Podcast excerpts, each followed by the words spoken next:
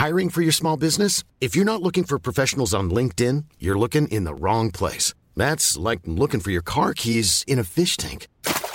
LinkedIn helps you hire professionals you can't find anywhere else, even those who aren't actively searching for a new job but might be open to the perfect role. In a given month, over 70% of LinkedIn users don't even visit other leading job sites. So start looking in the right place. With LinkedIn, you can hire professionals like a professional. Post your free job on linkedin.com slash people today. Hai, aku Pirda dari podcast tentang menerima. Sebelum episode ini dimulai, aku mau ngasih tahu bahwa sekarang bikin podcast itu gampang banget. Di mana kamu bisa install aplikasi Anchor yang merupakan bagian dari Spotify. Dan dengan Anchor ini, kamu bisa rekam dan publish podcast kamu langsung ke Spotify. Dan kabar baiknya lagi nih, aplikasi ini tuh 100% gratis. Jadi buruan sekarang, download aplikasi Anchor.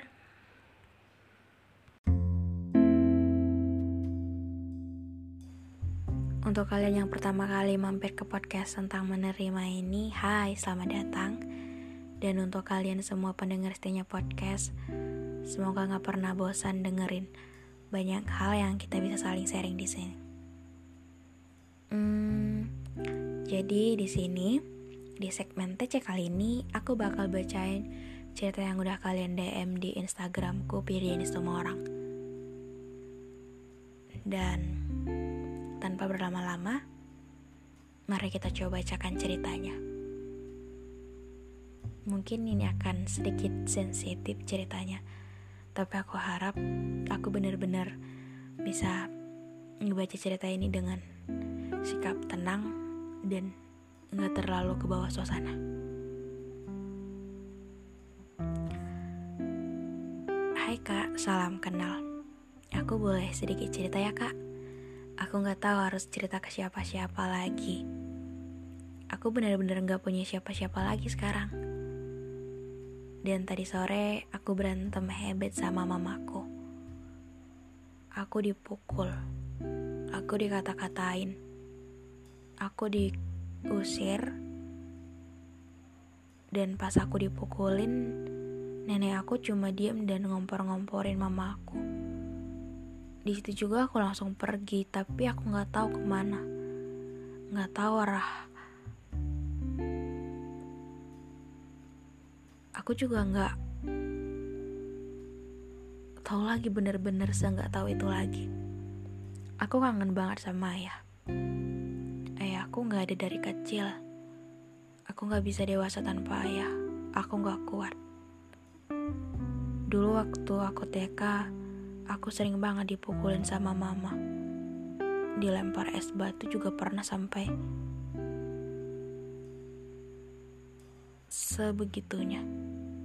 Dan di situ tante aku cuman ketawa dan aku juga pernah dikurung di belakang rumah yang bertanah terus banyak pohon-pohon kecil. Di situ aku dikurung dan disiram air panas. Pernah juga hampir dipasung. Aku gak kuat kak. Aku capek, aku sering keluar rumah karena mencari ketenangan. Tapi mama aku selalu mikir yang enggak-enggak tentang aku kalau main keluar. Aku capek banget, Kak. Ini bukan diri aku yang dulu. Dan sekarang kabar buruknya, aku ngerokok, minum tujuh butir obat supaya bisa tidur lama. Aku juga pengen banget mati kak nyusul ayah sama abangku. Di sini gak ada yang sayang sama aku Gak ada yang peduli sama aku. Kalau bunuh diri gak dosa, aku udah bunuh diri dari lama. Aku cuma bisa lampiasin ke silet rokok sama obat. Aku gak tahu ke depannya mau gimana. Mama aku juga lebih sayang sama adik dan kakak aku. Aku yang selalu disuruh-suruh, selalu diomelin, sedangkan adik aku, aku iri kak. Dia minta apa aja selalu diturutin. Gak pernah disuruh-suruh. Dan kalau ayah aku masih ada, apa dia bakal lebih sayang ke adik sama kakak aku juga? Aku gak tahu kak harus cerita ini ke siapa. Bener-bener nyesel banget Makasih ya kak untuk tempat ceritanya.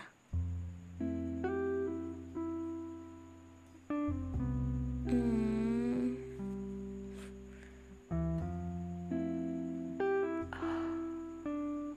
Hmm. Aku sedih bukan karena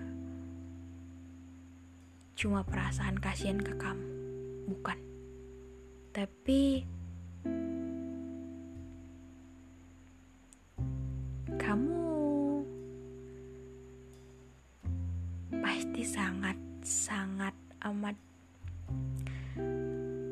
kesusahan berada di situasi yang sekarang kamu alami. Aku tahu itu dan kamu pasti lebih tahu bahwa ya emang gitu.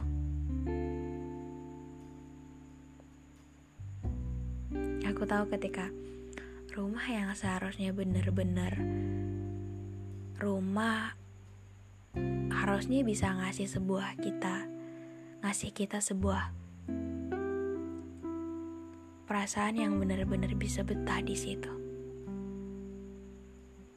Aku nggak tahu kenapa ibu kamu bisa sebegitunya ke kamu dan aku nggak tahu juga kenapa orang-orang di sekitar kamu malah ngebelain ibu kamu yang ngelakuin hal yang seharusnya nggak dilakuin ke kamu. Mungkin kamu akan bosan dan nggak akan setuju ketika ada yang bilang bahwa ibu ke ibu kita nggak boleh gitu gitu. Karena yang kamu alami ini orang lain gak akan relate gitu. Orang lain akan cuma bilang gak boleh gitu ke ibumu kayak durhaka nggak boleh ngelawan apa pun yang dilakuin pasti untuk hal yang baik tujuannya gitu ke kamu dan walaupun aku nggak tahu sedetail apa masalah yang ada di keluarga kamu kenapa ibu kamu sebegitunya dan kenapa juga kamu dapat uh, sebuah perlakuan yang menurut kamu beda gitu ketika ibu kamu ngasih kasih sayang ke kamu dan dia nunjukin itu ber sangat amat berbeda ketika dia ngasih kasih sayang juga ke adik dan kakak kamu.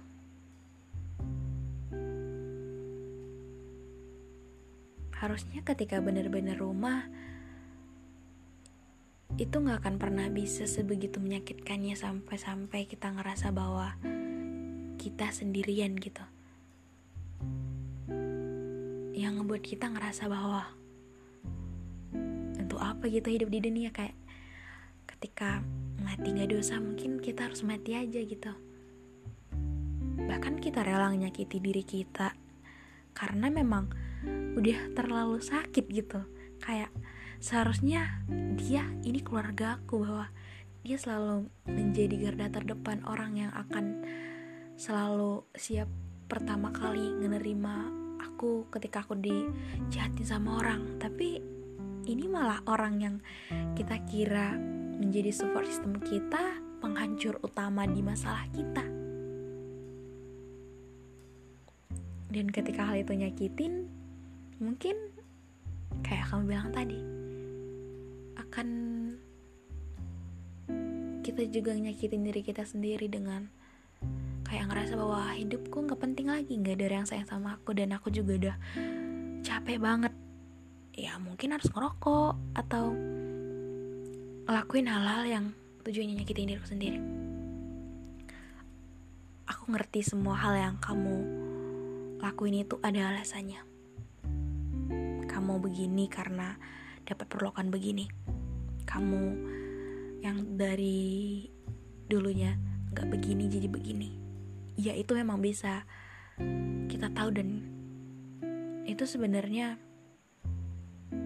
kalau dipikir ada semua alasan kenapa kamu lakuin itu dan bukan semata-mata itu cuman kenakalan kamu aja.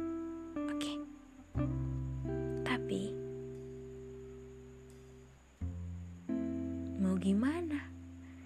Seperti yang berkali-kali aku bilang bahwa ketika ada masalah, sayangnya kita nggak pernah bisa lari. Sekencang apa pun kita lari, masalahnya akan tetap di situ-situ aja. kita cuma bisa nerima, bertahan, dan lakuin hal sekecil apa pun yang kita bisa.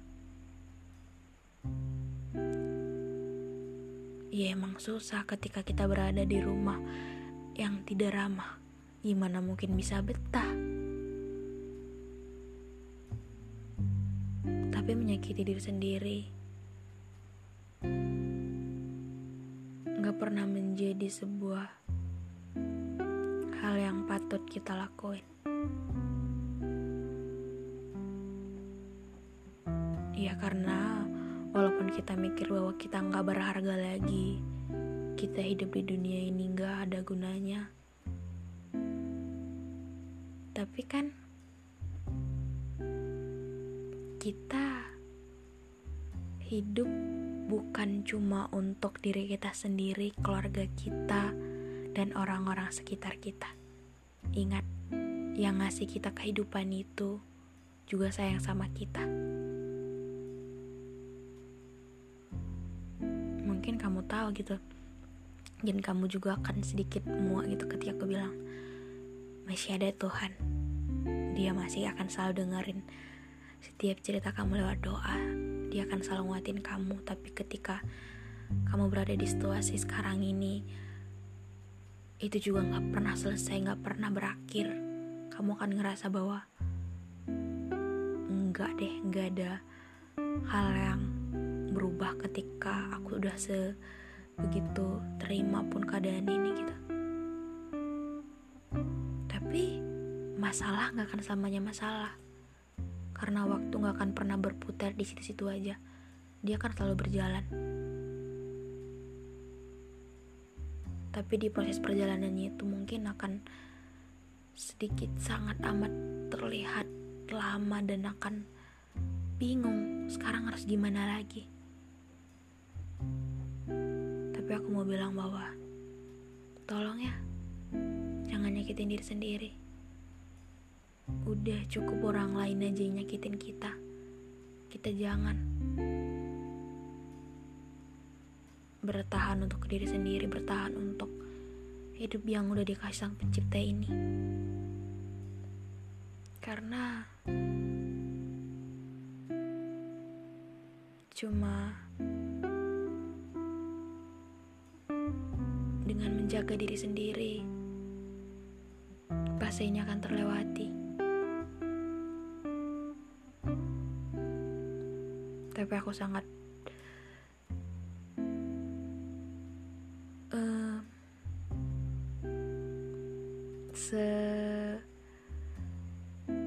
berani itu kamu cerita itu sebuah hal yang bener-bener terlihat nyata bahwa kamu udah mendem ini sejak lama dan kamu bingung harus cerita ke siapa. Tapi aku harap ketika kamu dengerin ini, untuk alasan yang menurut kamu, untuk hal-hal yang kamu lakukan hari ini, yang memang kurang baik itu ada alasannya, ya emang ada alasannya. Tapi sangat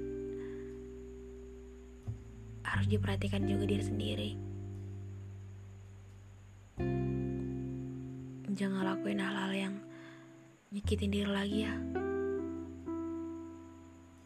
Memang susah tapi kita cuma punya diri sendiri dan Tuhan.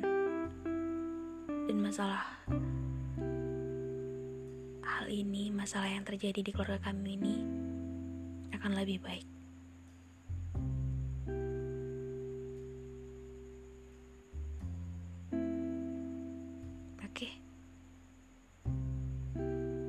Terima kasih untuk kalian semua yang udah dengerin ini sampai akhir. Kalau ada cerita yang mau dibacakan juga, boleh diam aja di Instagramku Pirin semua orang. Cerita yang menurutku menarik akan kubacakan di sini, seperti cerita kali ini.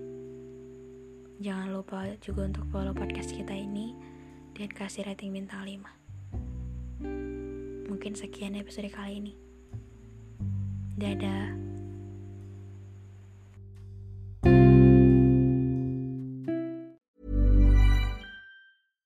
Hey, it's Paige DeSorbo from Giggly Squad. High quality fashion without the price tag. Say hello to Quince. I'm snagging high-end essentials like cozy cashmere sweaters, sleek leather jackets, fine jewelry, and so much more. With Quince being 50 to 80% less than similar brands. And they partner with factories that prioritize safe, ethical, and responsible manufacturing. I love that. Luxury quality within reach. Go to quince.com slash style to get free shipping and 365 day returns on your next order. Quince.com slash style.